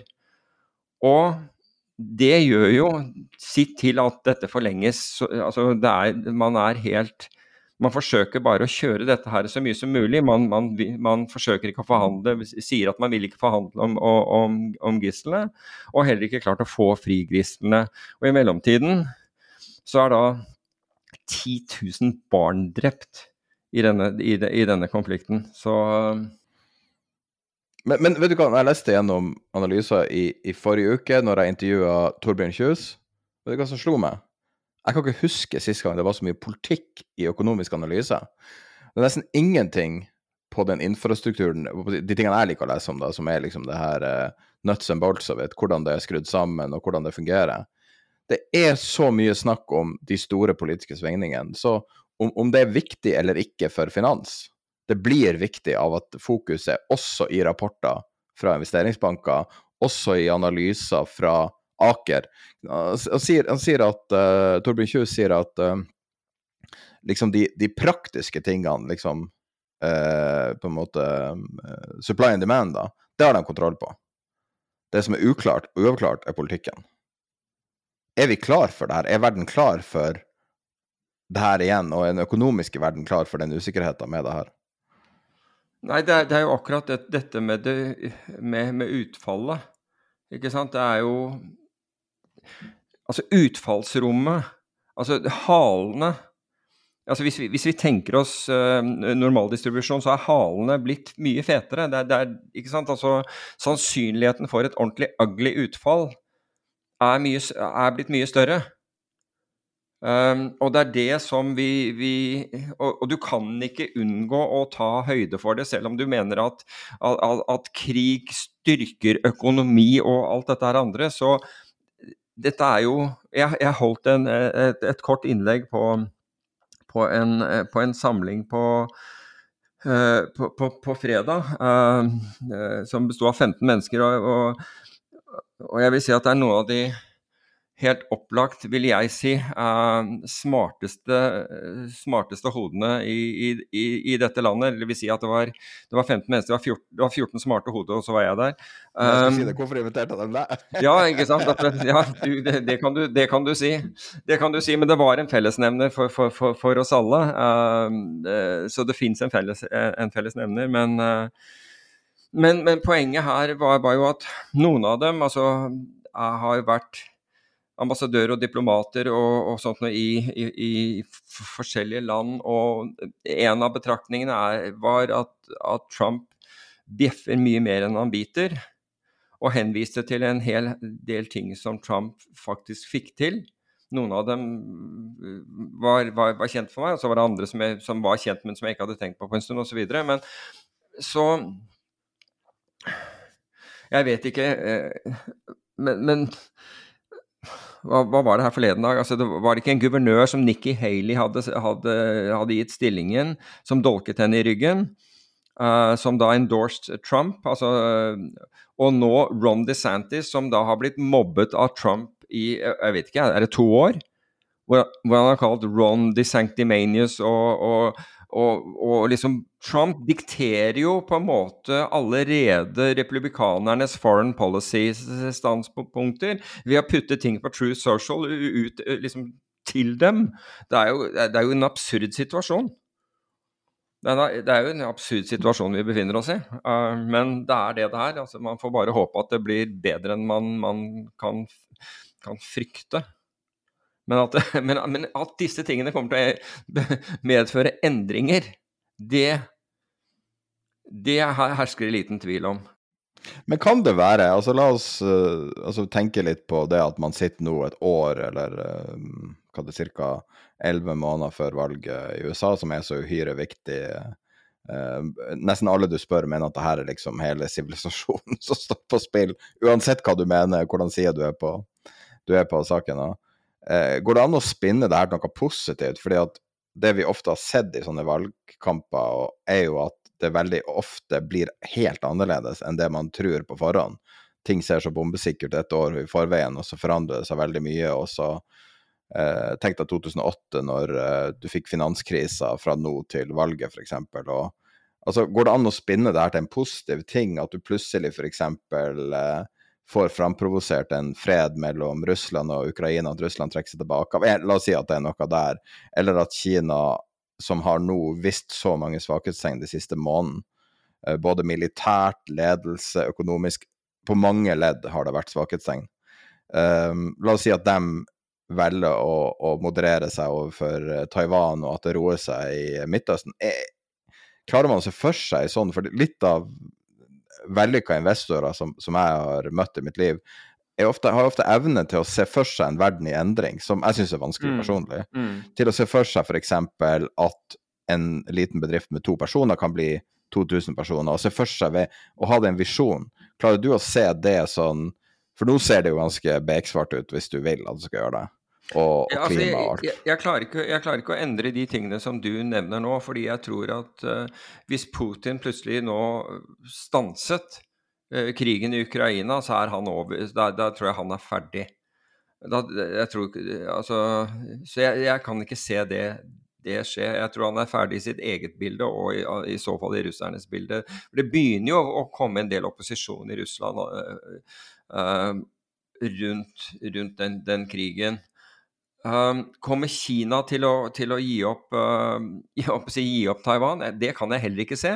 Men, klar, men det er vel mer sannsynlig at dersom USA eh, endret seg litt og, og, forsøkte på en måte å imøtekomme i hvert fall i forhold til hva er det vi, vi tenker å gjøre her og ikke, eller, eller kan, kan, vi finne en løsning på, på, på, denne, så er det mulig at man kunne at du kunne deeskalert der. Når det gjelder den du åpnet med, med, med Pakistan kontra, kontra, Iran, så er Pakistan er vel verdens niende største uh, har vel verdens største, niende, niende største forsvar. og, og Iran er way lenger ned på lista. altså Det er sikkert nummer 15 eller et eller annet sånt. der nede. Så, så jeg, den, den, tror jeg den tror, Jeg ser ikke den som en fare. Kan iranerne finne på å gjøre et eller annet eh, rundt Hormuzstredet? Absolutt. Men det vil bli en voldsom eskalering i det området. Og da har vi det gående igjen. Skal vi runde av med den gjennomgangen du hadde om Skagen-konferansen? du hadde? Du ja, fordi det jeg har lyst til å snakke om der, det, det var spesielt en, et av de foredragene. Jeg syns når du sitter, Det er veldig sjelden, altså bortsett fra når jeg er i utlandet, at jeg, at jeg er på en konferanse en hel dag. Som regel så, så prøver jeg liksom å, å ta det jeg syns interesserer meg mest. Um, men her satt jeg faktisk hele dagen og var engasjert og interessert hele, hele dagen. Og, det, og all ære til Skagen for det. Men det var én som sto ut, og den, den, det var foredraget eh, som var eh, etter, etter lunsj. Og det var en kar som heter James Anderson, som nå er i, i Kinnevik-systemet. Men som har vært eh, både i, i Bailey Gifford og Scottish Mortgage Investment Trust pluss plus noen andre steder. Og det som var interessant, var at han kom på Altså, han var i Stockholm, så det, akkurat den biten her var, var overført uh, uh, via video, men, men, live. Når han kommer på og begynner å, å, å snakke, så får jeg sånn flashback til, til, Harry Potter og den, der, den trylleskolen. Altså det, han, han, virker som en kar som ville gått rett inn i lærerkollegiet i den. Så du tenker hva er dette for noe? Og dette blir liksom, det er det første du får etter lunsj. Så tenkte jeg dette blir tungt. Men det er mulig pga. Av, av, av kontrasten. For, for når han begynte å snakke og begynte å fortelle om ting, så, så, så var det helt utrolig bra. Og den kontrasten gjør at liksom det vipper over. Men han hadde, hans foredrag var liksom flawed al alfa. Og denne her om alfa, beta og sharp ratios og hele liksom forutsetningene for det. Og han hadde så mye interessant eh, statistikk at Altså hvis eh, jeg, jeg, tror det er slik at Skagen er villig til å dele eh, opptakene. Uh, og kanskje har det allerede ute på, på, på, på, sin side. Det, det, var der, det, var ikke der, på fredag. Men, uh, men det er, så det er mulig at, at, det, er, at det, det, kommer sannsynligvis. Ønsker du å gjenoppleve høydepunktene eller se opptaket på nytt? Registrer deg med navn og e-postadresse og hvilket land du bor i, så sender vi deg en lenke til opptaket. Nydelig. Send en link til deg ja, ja, gjør det. Fordi, fordi den er, etter min oppfatning, er en som investorer burde, burde, burde se. Fordi altså, Skagen er ikke tamme med å utfordre seg selv. Det har de gjort så, så lenge jeg kan huske den, denne konferansen, og det fortsetter de å, å gjøre nå. Men han, han provoserer da Altså, James uh, Anderson, han, han, han provoserer da til kritisk tenking og skyter ned en del etablerte sannheter. Og det tror jeg er veldig sunt for folk. Både det å bli minnet på kritisk tenking, og få røska opp i noen av de etablerte sannhetene som ikke nødvendigvis lenger er, er sanne.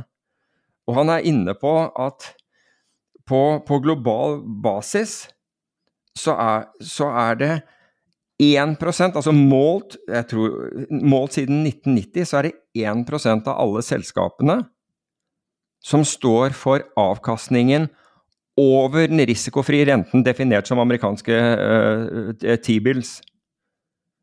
Det er 1%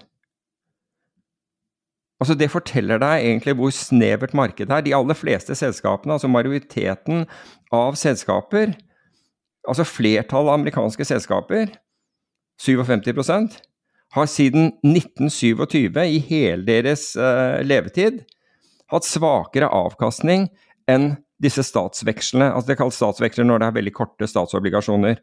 Det vi kaller T-bills. Det, det, er, uh, det er ganske interessant. Og han går da bl.a. også løs på, på en viss måte, på dette med Altså Han vil gjerne ha ha, at, man, at, man, er aktive forvaltere, men aktiv forvaltning er ikke, er ikke å, å slå indeksen med 1% i året. Han leter etter at man gjør noe substansielt, tenker nytt. Og det er de som på en måte virkelig gjør denne jobben, istedenfor å sitte der med en datamaskin og lure på om du kan lure ut en halv prosent og en tiendedels prosent uh, i uka på, i, i, forhold til en indeks, og dermed ta høyere honorarer for det, det, det, det, det, sier han, det har ingen verdi. Og det er jeg helt enig med han i. Og det er akkurat det Skagen har slått seg opp på også. Skagen var jo en, en killer performer over veldig, veldig mange år. Ja. Og derfor er de så store, derfor er de så kjent. Ja. Så, så Og han sier at, at markedene blir stadig mer effisiente. Og en del av det, det er jo ikke sant, det er vanskelig å, å, å finne Altså, det er vanskelig å, å, hente ut det vi forstår som alfa, altså merverdier. Markedene blir stadig mer kortsiktige, og så mangler de diversi, diversitet. Og det, det, vil si at vi alle er opptatt av det samme. Og jeg vet den der frustrasjonen når du skal da presentere et fond som gjør noe annet enn for, for min del, altså noe annet enn å være long aksjer, skulle et global makrofond. Det, liksom, det, er, det var mind-boggling uh, for de fleste i, i, uh, for, for, for, 20 år siden. Uh, hva, liksom, hva skulle ikke, være, skulle ikke tjene penger på å være long aksjer? Hva, gikk det an i det hele tatt å tjene penger uten å være det, liksom? Så, men de som Altså, det er et faktum. Og akkurat som jeg, Du eh, henviste til det, jeg husker ikke akkurat hva statistikken var. Du henviste til Robin Wigglesworth og en artikkel på, eh, på eh, for aktivt forvaltede fond i fjor. Hva var det, Husker du tallene? Uh, nei, det var den saken. Ja, men hva, husker du hva, hva, det forholdet var? Ja, det var 4 av 62. 4 av 62 slår indeksen. Men riktignok, det, det er ett år. Spesielt år for indeksen, da. Det må du ja, virkelig ha. Jo, jo, men det er et spesielt år, år for, for, for, indeksen, så, du, så, det er ikke noe vits i å se på det på, på ett års basis. Og det sier jo han også, og det er jeg helt enig i. Om en eller annen underperformer indeksen på ett år eller, eller, to år, spiller ingen rolle, du må se på dette med lengre sikt.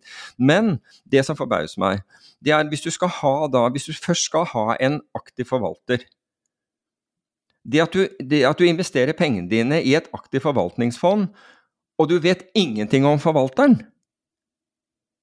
For veldig ofte så er det sånn, altså ta bankene, ikke sant. Hvor mange, mange fond har de? 50-100 sånn fond?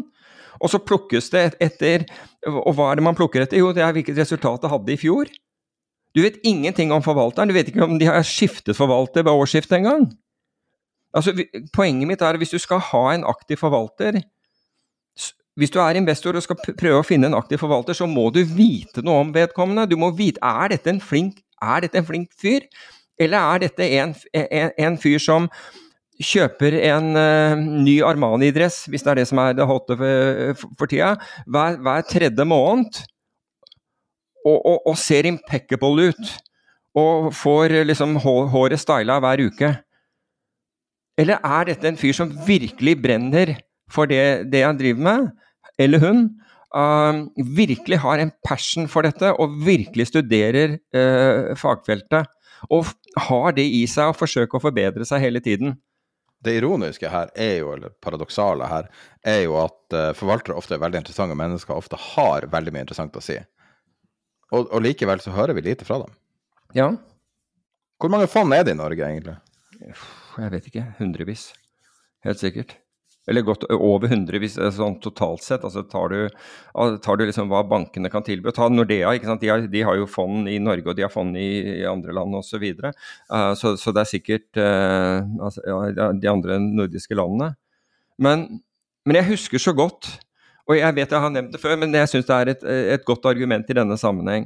Jeg vil jo dra til USA. altså vi, vi, investerte I tillegg til at vi hadde våre egne hedgefond, så investerte vi også i andre hedgefond. Og Det gjorde at jeg dro til USA et par ganger i året, og, og da ville jeg ha linet opp med møter med, med, med hedgefond. og Begynne tidlig om morgenen, og, og da ha gjerne fem-seks fem, møter uh, per dag, pluss en middag med noen, forvaltere, og gjør det i, flere dager på rad.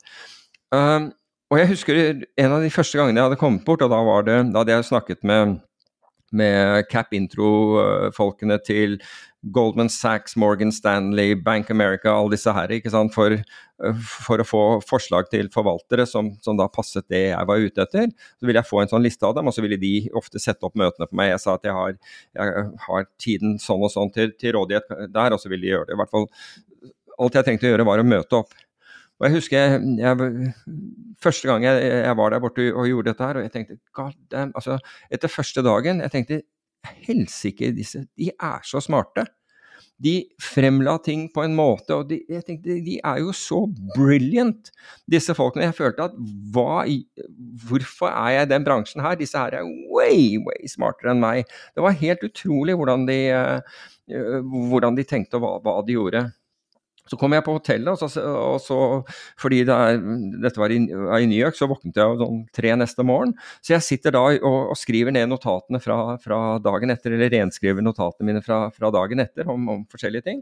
Og så legger jeg merke til at det som var veldig rart, det var at når jeg liksom deduserte det jeg hadde skrevet ned, så så jeg at egentlig så, så var det de samme temaene alle hadde. Og så tenkte jeg det var rart. Og så går jeg da på, på nytt, ikke sant. Altså spiser frokost klokken syv, er på første møte eh, klokken åtte.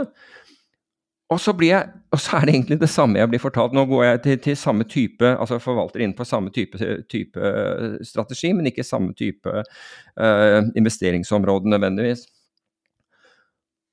Og så blir jeg Og etter hvert så, så, skjønner jeg at det er egentlig samme storyen. Og når jeg da kommer tilbake dag to, så, og står opp da dag, dag, tre omtrent samme tid, eller kanskje klokken halv fem eller noe sånt nå, ettersom du har fått litt, uh, litt mindre jetlag. tenkte jeg det her er rart. Og så går jeg gjennom, så tenkte jeg hvor kommer dette her fra? Og så begynte jeg da å søke på uh, investeringsbankenes uh, research. Og hvor finner jeg det var, Den gangen var det Salomon Brothers, som da bare uken før hadde kommet ut med en fantastisk analyse og alle hadde gjort den til sin. Alle fremførte den som om det var deres tenkning og deres ideer og deres liksom, oppfinnsomhet. Den, var, den, gikk igjen. Så det er vanskelig for, som du nevner, ikke sant, med investor, veltalende, supre sånn Du må på en måte Husk på det tillit. Du gir noen den tilliten til å forvalte dine penger da, da, bør de Altså, de bør være den tilliten verdig. Og derfor så skal du på en måte lete etter folk som tenker annerledes. Og ikke, og ikke en konform noen som ah, en, Så bare gjør vi det som de sier, og så, men, og så lager vi et spil rundt dette her. Vi lager sånn som, som selger sier Hva er storyen? Lag en story rundt det, og fortell den, og så kjøper de storyen. Det er det, det er det, du selger. Og det er helt sikkert riktig, men jeg opplever veldig ofte at, er, at, at folk gjør ikke innsatsen. Altså, de er ikke på.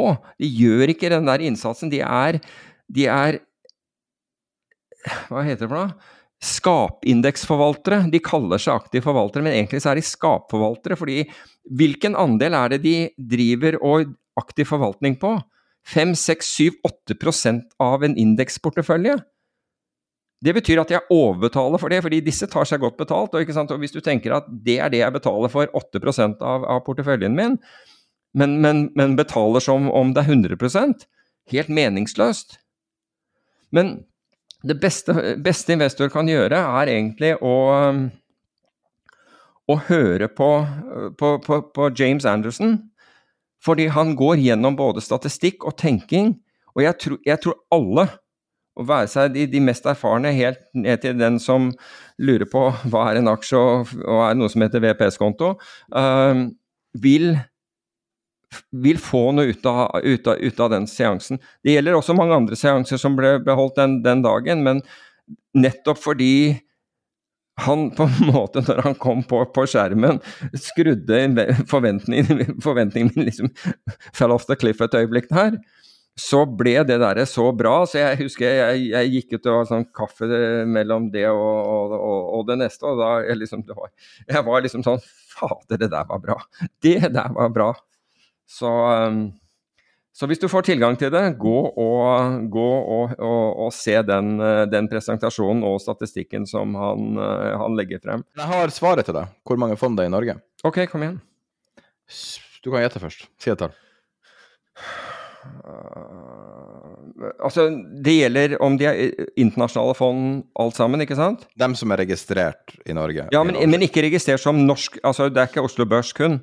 Vi snakker om? Uh, nei, altså fond, fond, no, fond, tilgjengelig for nordmenn. Ok, uh, ja, si 150, da. 797. Holy shit. 454 aksjefond. Ja, altså, skjønner du? Men uh, altså, jeg, jeg, jeg, har veldig tru på fondsforvaltere. Altså, de er en veldig interessant gruppe, og som du beskriver, at amerikanerne er liksom mye skrik og lite øl, men, men at det er um, men at det er veldig mye å hente der. Og de forvalterne jeg har møtt i mitt liv, så er snittet veldig høyt. Så de burde jo slippes løs. De burde jo være tilgjengelige. Ja. For øvrig kan jeg bare Han hadde, han hadde en morsom sak. For han, han, James Anderson han kom fra en eh, familie av, med leger. Um, og der hadde han eh, Så han hadde en, eh, et, en Hva skal jeg si, da? En quotation som er som følger If most doctors tell you something, it's probably right. Altså Hvis en, flere leger forteller at du har en eller annen diagnose, eller hva som helst, så er det høyst sannsynlig riktig. However, if most investors tell you something, it's at best too late. Det er godt sagt. Hæ? Brilliant, bare det. Bare det gjør det verdt å høre på den, syns jeg. Så, eh, så eh, vi oppfordrer eh, lytterne til å høre på James Anderson. Peter, kan jeg spørre deg om et råd da, når vi skal runde av? Som du vet, så har jeg et lite møte nå med en fondsforvalter. Jeg måtte bare sjekke hvor mye assets de har. For jeg anonymiserer litt størrelse, men det er over 150 milliarder dollar. Oh, wow.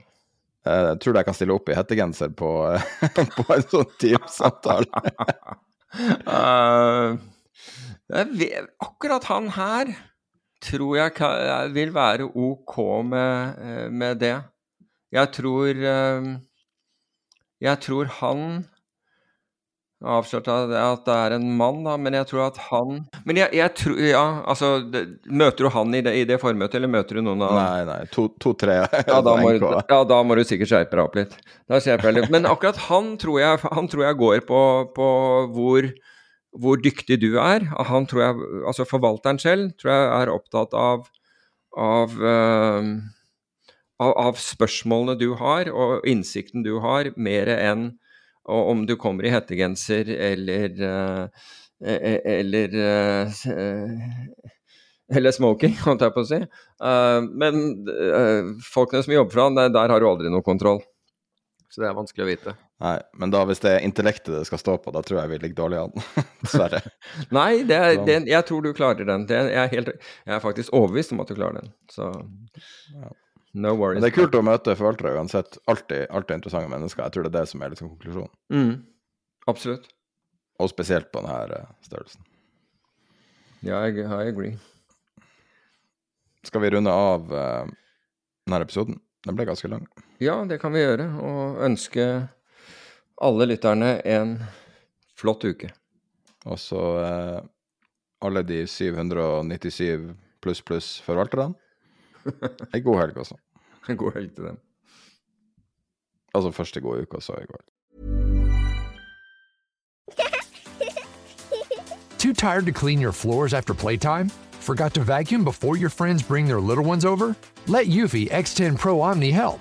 Powerful 8000 PA suction removes debris, and MopMaster dual mop pads scrub away stubborn stains with ease. Save time and keep your floors cleaner. Want to know more? Go to eufy.com, that's EUFY.com, and discover X10 Pro Omni, the best in class all in one robot vacuum for only $799. Tired of ads barging into your favorite news podcasts? Good news. Ad-free listening is available on Amazon Music for all the music plus top podcasts included with your Prime membership. Stay up to date on everything newsworthy by downloading the Amazon Music app for free or go to amazon.com slash news ad free. That's amazon.com slash news ad free to catch up on the latest episodes without the ads.